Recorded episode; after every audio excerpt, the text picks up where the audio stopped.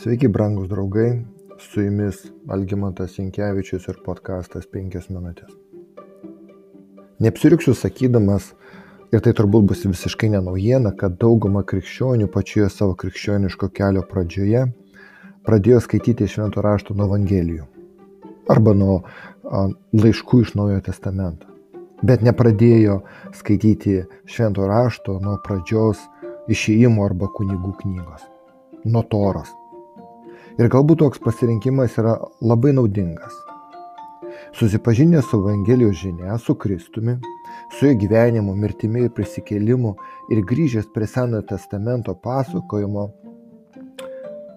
tu gali pamatyti nuostabės paralelės aukojime, aprašytose kunigų knygoje ir Dievo plane žmonijos išganime per Kristų, kada tai išsipildo ir kaip tai pildosi. Kunigų knyga, kurią mes dabar pradedame tyrinėti, arba Levitų knyga, kur, kurios pavadinimą duoda kiti vertėjai, pateikė keletą aukų rūšių ir mes, jei viešpats leis, per kitas kelias dienas apmastysime kiekvieną iš jų atskirai Evangelijos šviesoje.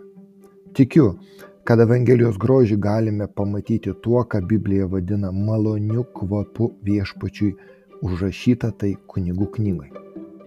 Pats pirmasis aukojimas aprašytas kunigų knygoje yra deginamoji auka. Hebrajų kalbos žodis išverstas į mūsų kalbą kaip deginamoji auka, kilęs iš veiksmažodžio, kuris galėtų taip pat būti veržiamas kaip pakilti. Kilti.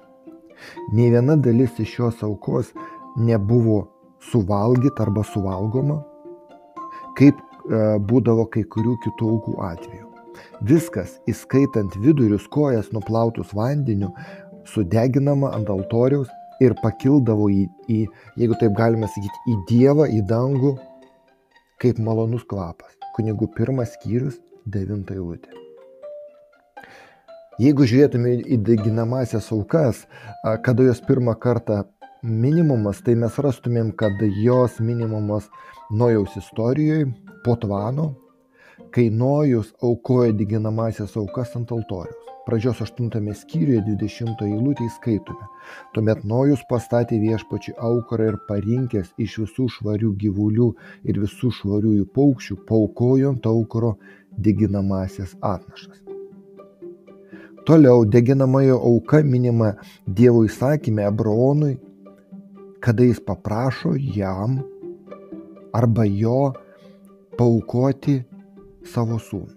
Taip, taip, jūs išgirdote teisingai, savo sūnų. Pradžios 22 skyrius. Jobo knygoje, kuris skaitoma ankstyviausia Biblijos knyga, pasakojama, kad Jobas keliasi anksti ryte ir aukoja degiminamasias aukas už savo vaikus pagal savo vaikų skaičių. Jobo pirmas skyrius.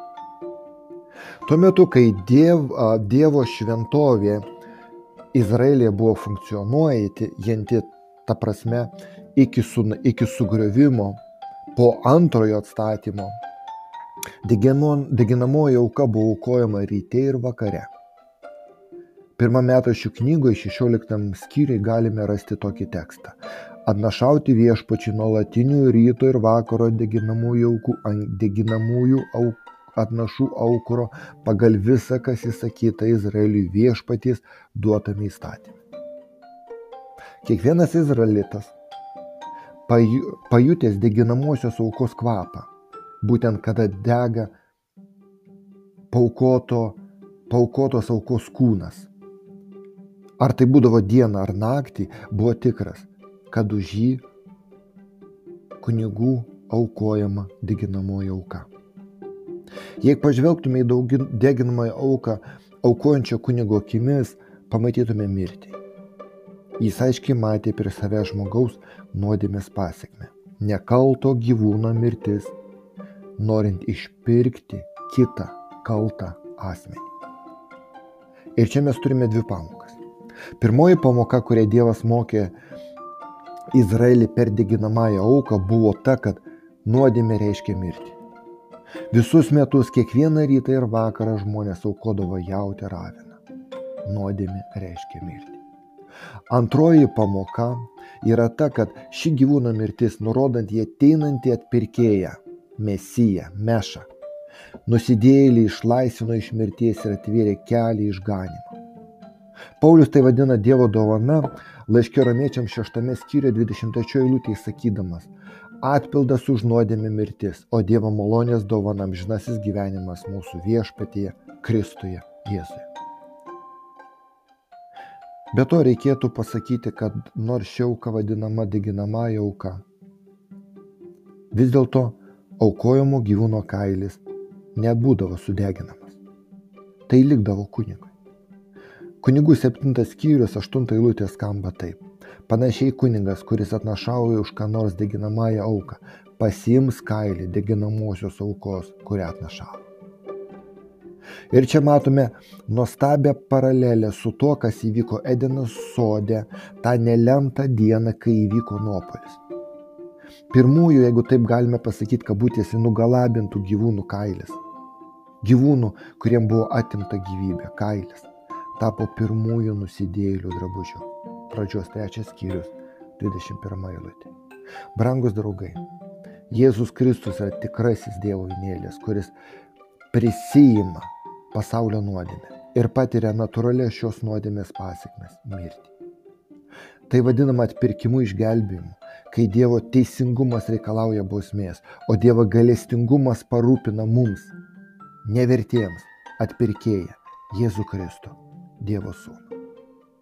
Su jumis buvo penkios minutės ir Elgimantas Ninkevičius.